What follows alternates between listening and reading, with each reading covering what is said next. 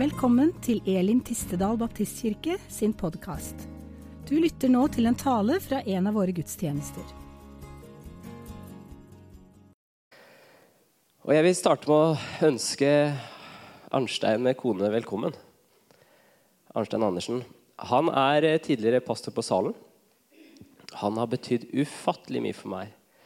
Og jeg har gått noen prosesser de siste åra der jeg har kjent på ufred i det arbeidet jeg sto i der nede. Og hver gang jeg sto for et litt viktig valg, så dukka plutselig Arnstein opp utafor salen. For du bor jo ikke her i byen lenger. Nei. Og når jeg, enten jeg kom fra joggetur eller vært på jobb, og så står plutselig Arnstein der. To ganger har det skjedd. Og så har du alltid kommet med noen ord som har hjulpet meg i riktig retning. Og du har alltid vært lydig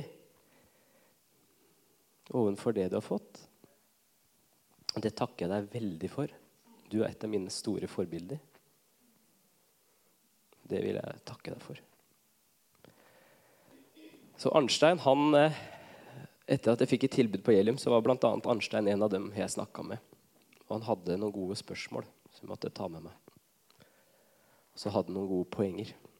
Så dere kan takke Arnstein for at man valgte å gå her. Ellers får du ta opp med ham når du ikke er fornøyd med meg. Det er for det. men, men i hvert fall, takk skal du ha. Jeg setter veldig pris på deg, det du har lært meg, og det du betyr. Mm. Så det var veldig godt å se deg komme inn døra her i dag. Ja, det fortjener en applaus, altså. Du har noen eh, ord som surrer ofte i bakhodet mitt, og jeg Når dere hører Arnstein sa en gang til meg, så er det den mannen der jeg refererer til. For du har gitt meg mye. Mm. Så menighet, dere. Hva er det? Det er et fellesskap. Det greske ordet 'eglesias' betyr de utvalgte. Et fellesskap, et fellesskap av utvalgte betyr det rett oversatt. Det er ikke kirken vår. Det er dem som går i kirken. Og, så har vi jo vi vet jo dessverre det at menighet er vanskelig.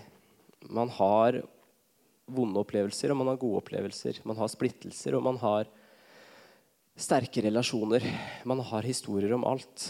Vi har historier om folk som har såra, og folk som har blitt redda. Og det vi skal snakke om i dag, et overbærende fellesskap, et tilgivende fellesskap, det er kanskje noe av det viktigste vi gjør overfor hverandre. Det er å tilgi. Eh, Frode han sa det en gang, Ness, eh, til et nytt par som kom inn for å gå på salen. og De spurte Frode hvorfor kommer dere hit. da? Nei, Viken menighet, og det var sånn og sånn. og sånn og sånn. Så var det helt klart at de ikke var fornøyd med den menigheten de kom ifra. Og så sier Frode det så fint. Ja, men da må du vite at du kommer til en menighet med like mange feil her. For her fins det mennesker her òg. Og det er noe i det, da. Når vi er et fellesskap av mennesker, så kommer karakterene våre fram i fellesskapet. Og så har man karakterer som gnisser med hverandre. Vi har forskjellig bagasje. Oppvekst. Vi har forskjellig syn på ting. Da vil det bli gnisninger.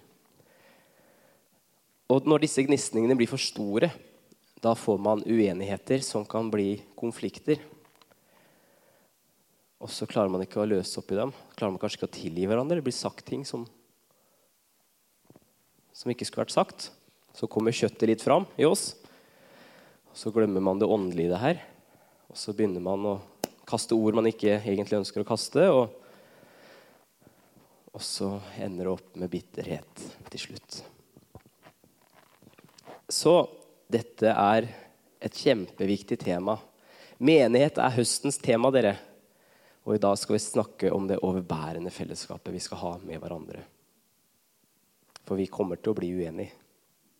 Vi kommer til å ha noen runder i ringen. Men la det være runder der vi kan tilgi hverandre etterpå. Yes, så vi kan slå opp i Matteus 18,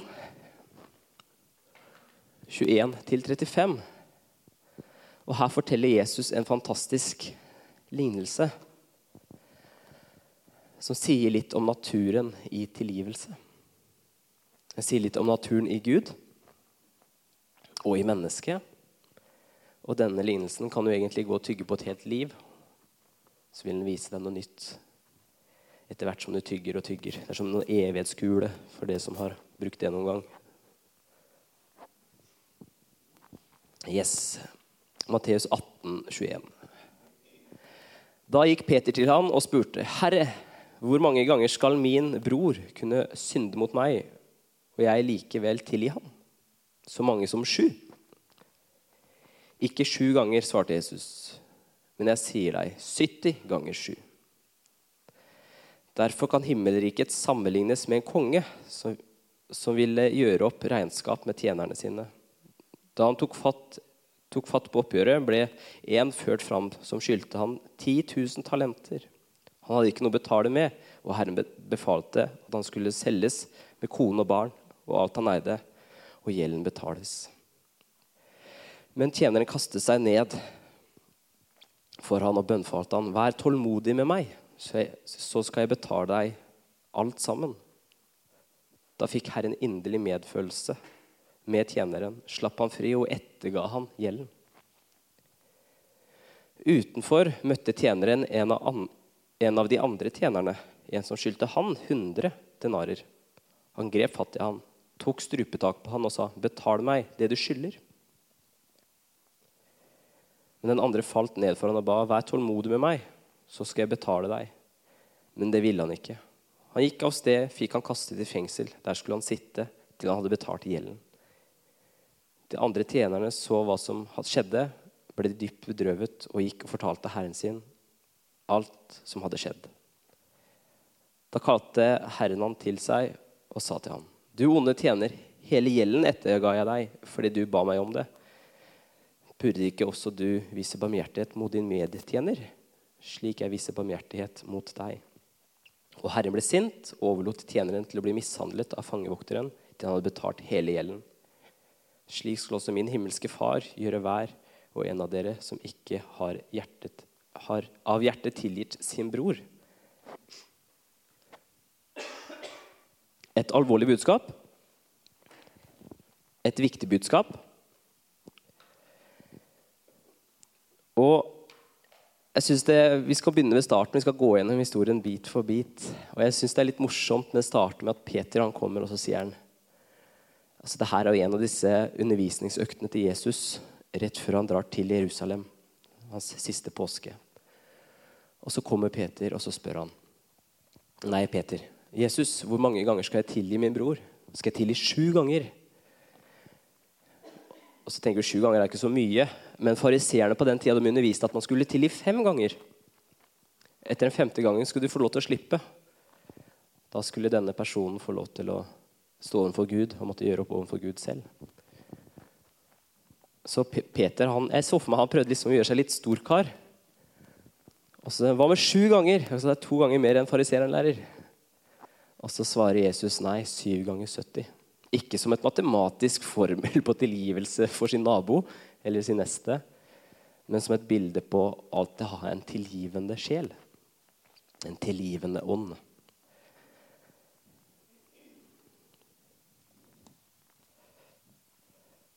Og så forteller Jesus denne lignelsen.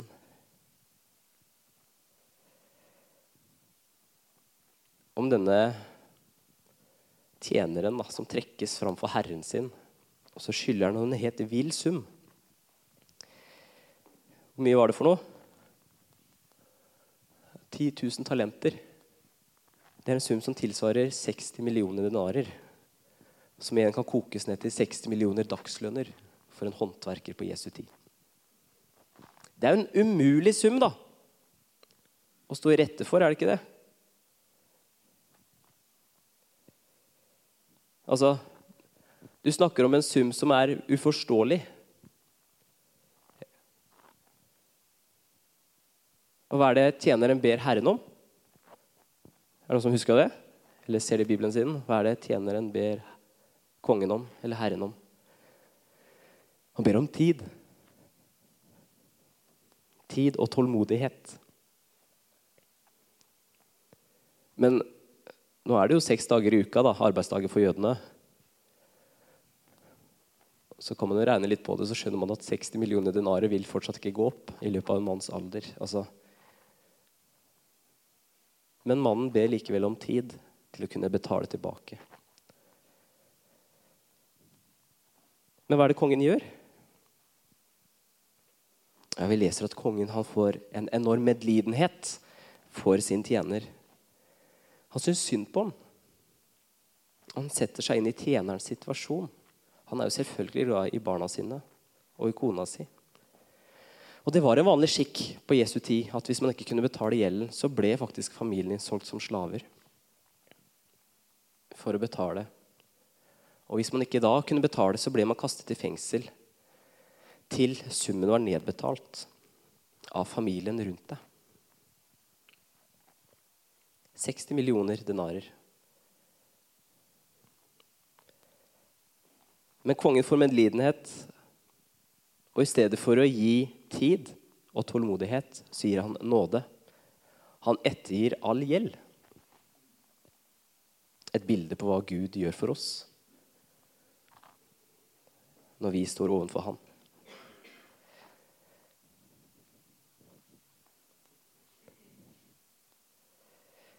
Men dessverre så leser vi jo da at der, eh, han tjeneren som har fått så mye nåde, han eh, er ikke så flink til å vise nåde. Virker ikke som han helt forstått hva han har fått. For når det kommer en mann som skylder 100 denarer, altså 100 dagslønner, det er et lite lån i dag. Det er jo ikke mye penger, det, etter skatt. Er det det? Det er ca. en BMW I3, brukt BMW I3 på bruktmarkedet. Det er den summen. Hvis man skal sammenligne det med noe. En liten, ubetydelig sum i forhold, i hvert fall. Så står det at han tar strupetak på medtjeneren sin, kollegaen sin. Befaler å få pengene tilbake. Og hva er det tjeneren ber om? Medtjeneren. Han ber om tid og tålmodighet. Får han det? Nei, han får verken tid, tålmodighet eller nåde av sin medtjener. Han blir kastet i fengsel, og der måtte han sitte til familien hadde betalt hans gjeld.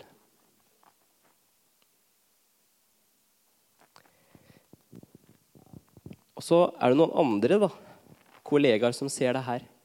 Melder det til kongen. 'Du, konge, han som du etterga alt, han kasta akkurat en av dine andre tjenere i fengsel fordi han skyldte penger.' Og Konklusjonen blir jo at kongen blir sint, fortvila. Han blir kastet i fengsel, han også. Og så står det at han blir eh, overlatt til fangevokteren. Og Det samme ordet som eh, brukes om fangevokteren på gresk, her er det samme ordet som torturisten. Og der måtte han sitte til gjelden var betalt. 60 millioner denarer. Og det er jo veldig dyster lesning, da. Det er jo ikke det det er jo ikke, altså, du sitter og historien her, blir jo ikke glad i hjertet når du hører konklusjonen med hva som skjer med den stakkars tjeneren. Men, men Jesus han legger fram et viktig prinsipp. Og det er at når vi har fått nåde, så skal vi gi nåde. Har vi fått tilgivelse, så skal vi gi tilgivelse. Har vi fått velstand, så skal vi gi velstand. Det er en naturlig del av Guds rike. det, At det vi har fått, det skal vi gi. Har vi fått evangeliet, så skal vi gi det gratis, sier Johannes. Altså, Verken sølv eller gull har jeg, men det jeg har jeg, det gir jeg deg. Sier han til denne lamme mannen i søylegangen i Apostlene gjerningene 3. Altså, vi har fått noe, dere. Vi har fått det gratis. Da gir vi det selvfølgelig fra oss videre gratis. Det er absolutt en sannhet i Guds rike. Og Jesus advarer oss mot å ikke tilgi i denne historien. her. Hvis vi tenker på denne medtjeneren, ble konklusjonen at han ble satt fri? Nei, historien avslutter med at medtjeneren faktisk sitter i fengsel. Man leser aldri at han blir satt fri. Så kan man begynne å meditere på det. Hva betyr egentlig det? Og så kan man ta det inn i tilgivelsens verden. Da. Hva er tilgivelse, dere? Tilgivelse betyr å og si det at alt det du har gjort mot meg, alt det du skylder meg eller har gjort feil mot meg, jeg regner ikke som skjedd. Tilgivelse handler om om du havner i en rettssak med noen, og du har sagt 'jeg tilgir deg', så betyr det at det jeg har tilgitt, kan jeg ikke bruke mot deg i en rettssak. Det er jo det tilgivelse betyr. Har du tilgitt noen, så sier du til dem 'jeg vil ikke bruke det her mot deg igjen'. Det er litt sånn som i ekteskapet når du og kona er litt uenige om noe. Og så Bare ta et eksempel. Jeg kaster ikke kona under bussen her. Og så, er dere uenige. Eh, og så, og så å, men det er greit, jeg tilgir deg. Og Så går det tre uker, og så krangler dere igjen. Og hva kommer opp? Jo, akkurat den samme tingen dere krangla om tre uker tidligere. Og så sier jeg, men hadde du ikke tilgitt meg? Jeg hadde kanskje ikke det, da.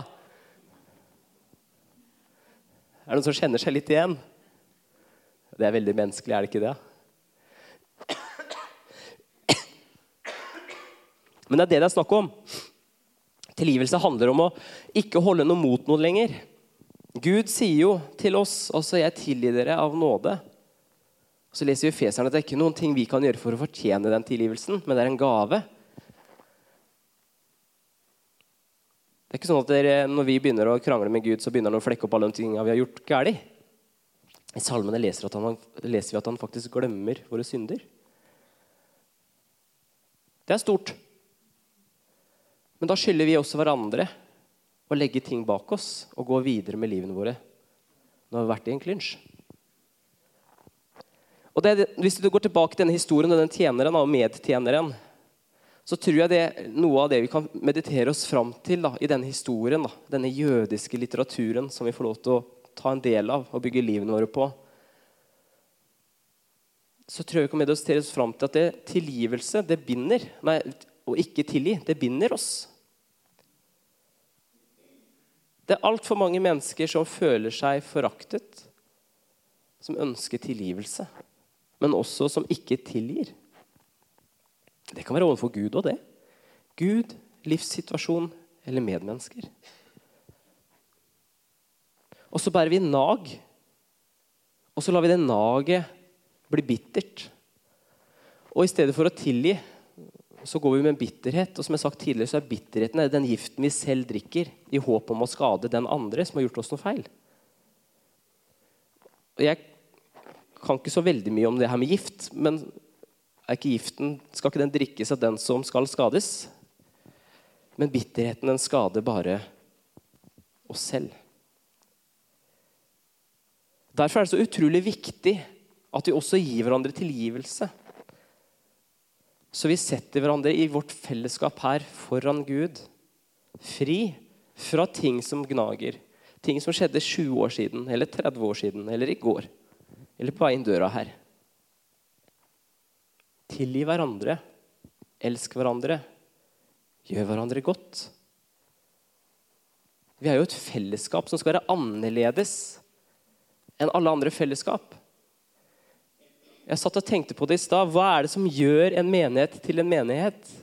Kontra, altså, hva er det som skiller Brann supporterklubb da, fra Elim Tistedal? Det er en gud. Men Brann-supporterne gir like mye kollekt, om ikke mer. Du ser jo hvor mye de betaler for spillerne sine. Ufattelig hva de klarer å holde i gang.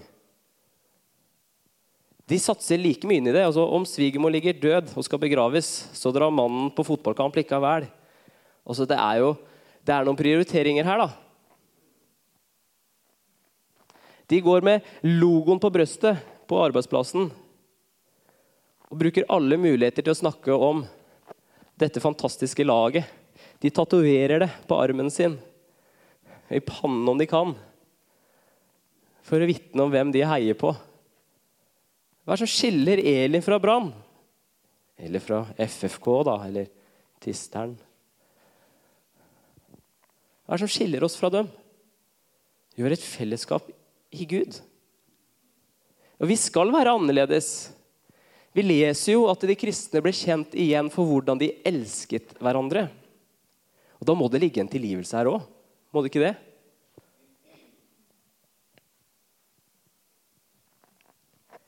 You never walk alone, Liverpool. De har jo fantastisk ord, ordtak. da. Men de har jo glemt noe veldig viktig. da. Hvorfor går du aldri alene? Det er det vi som har med oss. Så vi er mer enn en klubb eller en forening. Vi er så mye mer. Vi er et åndelig fellesskap. Det er ikke et jeg i et oss, men det er et vi i han. Når vi leser om menigheten i Bibelen, så leser vi aldri om individualisme, sånn som samfunnet vil ha fram i dag, framfor Gud. Nei, menigheten var i ett sinn, står det i flere steder i apostelens gjerninger. Jesus ber oss om å være ett sinn i hans fellesskap. Israel skulle være i ett sinn når de tilba Gud ved Sinai, på vei til Kanan og idet de inntok Kanan, skulle de i ett sinn tilbe Gud. Det var et fellesskap. Det var aldri et meg, men det var et oss. Og For at det skal være et oss, så må vi jo tåle fjes på hverandre. Vi må tåle å sitte ned med hverandre og tilgi hverandre. Vi må tåle å ta en kaffekopp og snakke om uenigheter. Og så må vi tåle å innrømme at innimellom så tar du feil. Vi må la stoltheten dø. I dag så løftes stolthet fram som noe veldig positivt. Men hver gang du leser om stolthet i Bibelen, så fører det ofte til fall. Ser dere, ser dere greia? De glemmer ofte det. Og denne sannheten da med å tilgi og sette hverandre fri fra lenker. Og seg selv, ikke minst. Jeg hadde en, en god venn av meg i dag. Vi ble litt uenige om noe på videregående. Og det ble skikkelig sårt og bittert. Jeg brukte mange år på å klare å tilgi han. Mange år. For to-tre år siden, litt over to år siden, så klarte jeg å se meg selv i speilet og så klarte jeg å konkludere overfor meg selv at jeg er ferdig med å være sint og bitter og sur på han. Og jeg hadde også bedt han om tilgivelse. Jeg bærer ikke nag, men det var en prosess å gå som tok mange år. Men jeg skyldte han det. Jeg skyldte meg selv det. Jeg skyldte kona og familien min det. Tilgivelse er noe vi må jobbe med hele tiden. I Fader vår så lærer Jesus oss å be. Men så trekker han fram det her tilgi våre synder, som vi også tilgir våre syndere. Og så hva er det vi ber for noe?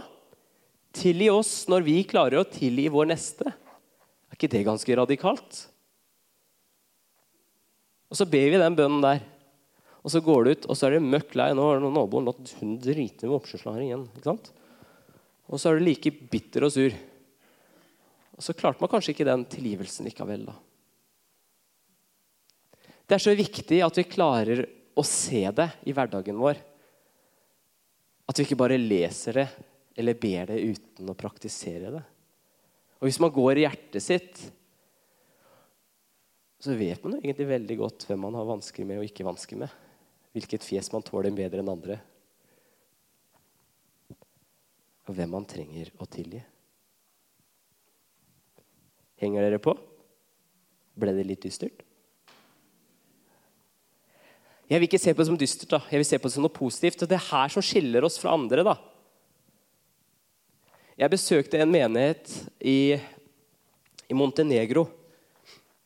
Og Der var det to pastorer, eller to pastorfamilier. Han ene var serber. Han andre kom fra Montenegro-området. De hadde skutt på hverandre under krigen, borgerkrigen. Og de, Enhetene deres hadde stått overfor hverandre i skyttergraven, og de hadde drept hverandres venner over flere år. Han ene var fryktelig effektiv, sa han andre. Jeg vet at hans enhet drepte flere av mine nærmeste venner. Og Jeg fikk jo sjokk da, når du sitter i stua deres og de begynner å fortelle fra borgerkrigen i Kosovo og i gamle Jugoslavia. Men nå sitter de i ett og samme hus. De eier et hus sammen, disse to familiene. De drifter en av de få evangeliske menighetene i Montenegro. De har tilgitt hverandre. De bærer arr på kroppene sine. Han ene har skuddskade med ganske stygt sår og ettervirkning. Men de har tilgitt hverandre og tjener Gud sammen som hyrde for et fellesskap med troende i hovedstaden der. Jeg syns det er kjempesterkt. Og når de snakka om det, så var det ikke noe nag i det. Jeg satt og snakka om det rundt middagsbordet. Nei, nei, nei. Tvert imot. Sånn var det. Det er vårt gamle liv. Og så møtte vi Jesus hver for oss etter krigen. Så møtte vi hverandre her i Montenegro. Og så skjønte vi at vi må starte menighet. Først måtte de tilgi hverandre. Og så starta de en menighet. Det er sterkt. Spesielt når du har tatt livet av hverandres venner, familie. Men tilgivelse de gjør så mye mer. da. Så i et land som er delt sånn av blodhevn, et land og nasjoner da, så tett til hverandre, der det blusser opp i dag altså Det er ikke veldig lett på grensene der ennå. Så er det faktisk en menighet som vokst fram på tross av uenigheter, strid. Som er et sterkt vitnesbyrd på at det går an å forenes rundt navnet Jesus. Så hvor mye mer skiller ikke vi hverandre her, da? Det er ingen her som har skutt på hverandre, tror jeg. Kastet granater og tatt livet av hverandres venner. Hvis du har det, så ta, snakk med meg etterpå. men, men, men ser dere tanken? Det er ikke umulig, dere. Men det er en helt naturlig del av vårt forhold til far i himmelen og til hverandre i dette fellesskapet. Vi er så mye mer enn en klubb eller en forening. Vi er et åndelig fellesskap som drives av noe større. Vi har en ånd, en tilgivende ånd, en overbærende ånd, som drives av kjærlighet. Så vi kan bla opp i Johannes, 1. Johannes brev 4. Skal vi lese hva Johannes skriver til oss. Eller ikke til oss, da, men som vi kan få lov til å ta del i i dag. Som er like viktig for oss i dag. Som omhandler menigheten.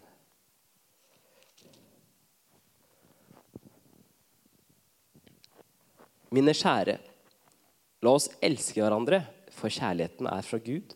Og hver den som elsker, er født av Gud og kjenner Gud. Den som ikke elsker, har aldri kjent Gud, for Gud er kjærlighet. Det er sterke ord. Og ved dette ble Guds kjærlighet åpenbart for oss. At Gud sendte sin enbårne sønn til verden for at vi skulle leve ved ham. Ja, dette er kjærligheten, ikke at vi har elsket Gud, men at han har elsket oss og sendt sin sønn til soning for våre synder. Mine kjære, har Gud elsket oss slik, da skylder også vi å elske hverandre. Ingen har noen gang sett Gud, men dersom vi elsker hverandre, blir Gud i oss, og hans kjærlighet er fullendt i oss. Konklusjonen på slutten er ingen har sett Gud, men vi ser Gud i hverandres kjærlighet. Det er sterkt. Eva og Adam når Eva sto ved treet, så sier slangen til Eva du skal bli lik Gud hvis du spiser av dette eplet. Og det er, det er en sannhet i det. Eva og Adam de var skapt i Guds bilde. De var allerede lik Gud. De var et avbilde av Gud. Det er det, akkurat det ordet som brukes på hebraisk. Avbilde. Og så sier jo også slangen du skal ikke dø. Ja, Det var en viss sannhet i det òg. Altså, de døde ikke kroppslig, men de døde åndelig. Sånn jobber djevelen. da. Djevelen kommer med halvsannheter. Halvløgner. Djevelen tar bibelvers ut av sammenheng. Og så kaller de det store, fine ord. Paroler vi går under. Og så har vi glemt å lese helheten. Men hvis man leser det Johannes skriver her, da, så er vi kjærlighet fordi Gud bor i oss. Vi er et fellesskap av kjærlighet, og da må vi jo til hverandre. Det er noe sterkt ved Jesus på korset. Han, når han nagles til dette korset, så har han en bønn. Og der far ikke tilregner dem denne synden, for de vet ikke hva de gjør. Snakk om et forbilde, da. Jeg hadde slitt med å be den bønnen, tror jeg. og noen sto og slo en, nein, eller en svær spiker gjennom min arm. Hadde du klart det? Jeg hadde vært så sinna, tror jeg. Ja, det hadde ikke du. Men det er ikke det som er målet vårt. Målet vårt er å ha en tilgivende ånd. Og Den har vi fått. Vi må bare gi den plass. Og så skjer det noe annet vakkert som viser denne nåden, da, som vi også leser om i lignelsen. Når den henger der, og så er det to røvere, og så vender den ene røveren seg til Jesus og sier han, 'Husk på meg når jeg kommer til paradis'. Hva er det han sier? Han ber om å bli husket på. Hva er det Jesus svarer for noe? Sannelig, sannelig, i dag skal du bli med meg til paradis. Og så, Han ber om å bli husket på, og Jesus han gir så mye mer. Han gir en nåde. Denne, noen vers før så bekrefter jo denne fangen, eller denne røveren, at han fortjener å henge der. Han har gjort seg fortjent til dommen. Det er ingenting urettferdig med det som skjer han og hans kollega på andre sida av Jesus. Han sier det selv, og han ber bare om å bli husket på. Og så får han nåde, sånn som tjeneren sa i historien til kongen. Gi meg tid. Han ba om tid til å rette opp. Men kongen sa, 'Jeg betaler det. Det er greit. Du skal slippe å betale.' Det er nåde, heter det. Da må jo vi lære å gi hverandre den samme nåden. Må vi ikke det? Vi skylder hverandre det. Vi skylder oss selv det. For i tilgivelsen blir vi også satt fri. Og ved å tilgi så blir også vi tilgitt. Det er jo det vi ber om. Men la oss også praktisere det i fellesskapet her. Det er altfor mange mennesker man snakker med, som bærer nag til menigheten sin, eller noen i menigheten, eller tidligere menigheter. Men la oss bli en menighet der vi kaller en spade en spade, møter hverandre, skværer opp, tilgir hverandre. Vi skylder hverandre det. Hvis vi skal vokse, hvis vi skal bli ett, hvis vi skal bli ett fellesskap framfor Gud, så må vi få til denne delen her. Hvis vi leser Efeserne, så konkluderer Paulus ja, hvordan den nye menigheten skal se ut med disse ordene. Vær gode mot hverandre, vis medfølelse og tilgi hverandre slik Gud har tilgitt dere i Kristus. Der kommer det igjen. Ser dere det? Tilgivelse kommer i det vi tilgir. Så vi kan ikke gå og forvente å få tilgivelse om vi ikke kan tilgi. Ok? Den skal få tygge på denne uka her. Ta det med dere. Grunn på det. Les gjerne historien selv. Men jeg drømmer om et fellesskap da, der vi gråter sammen, ber sammen, heier på hverandre, løfter hverandre fram. Vi deler gleder og sorger. Vi, vi, vi hjelper hverandre ved livets start, og vi bærer hverandre inn i livets slutt. Vi deler kunnskap, visjon og ferdigheter. Vi er forskjellige. Men det er fordi vi er forskjellige deler i et stort, stort fellesskap. Som alle er viktig for at vi skal kunne dekke alle de behov vi møter. Jeg sa til Kjell nå på, på onsdag. Da var vi sammen på fellesgudstjeneste. Og så sa jeg til Kjell du må be for meg, jeg er sjuk. Jeg er ikke helt i form. Be for meg at jeg kommer meg gjennom uka her. Og så sier han noe vakkert, og det er 'Jeg ber alltid for deg', jeg. Og det er så godt å vite. Det er det vi skal gjøre, dere. Det er oppskriften vår. Vær gode med hverandre, vis medfølelse, tilgi hverandre slik Gud har tilgitt dere i Kristus.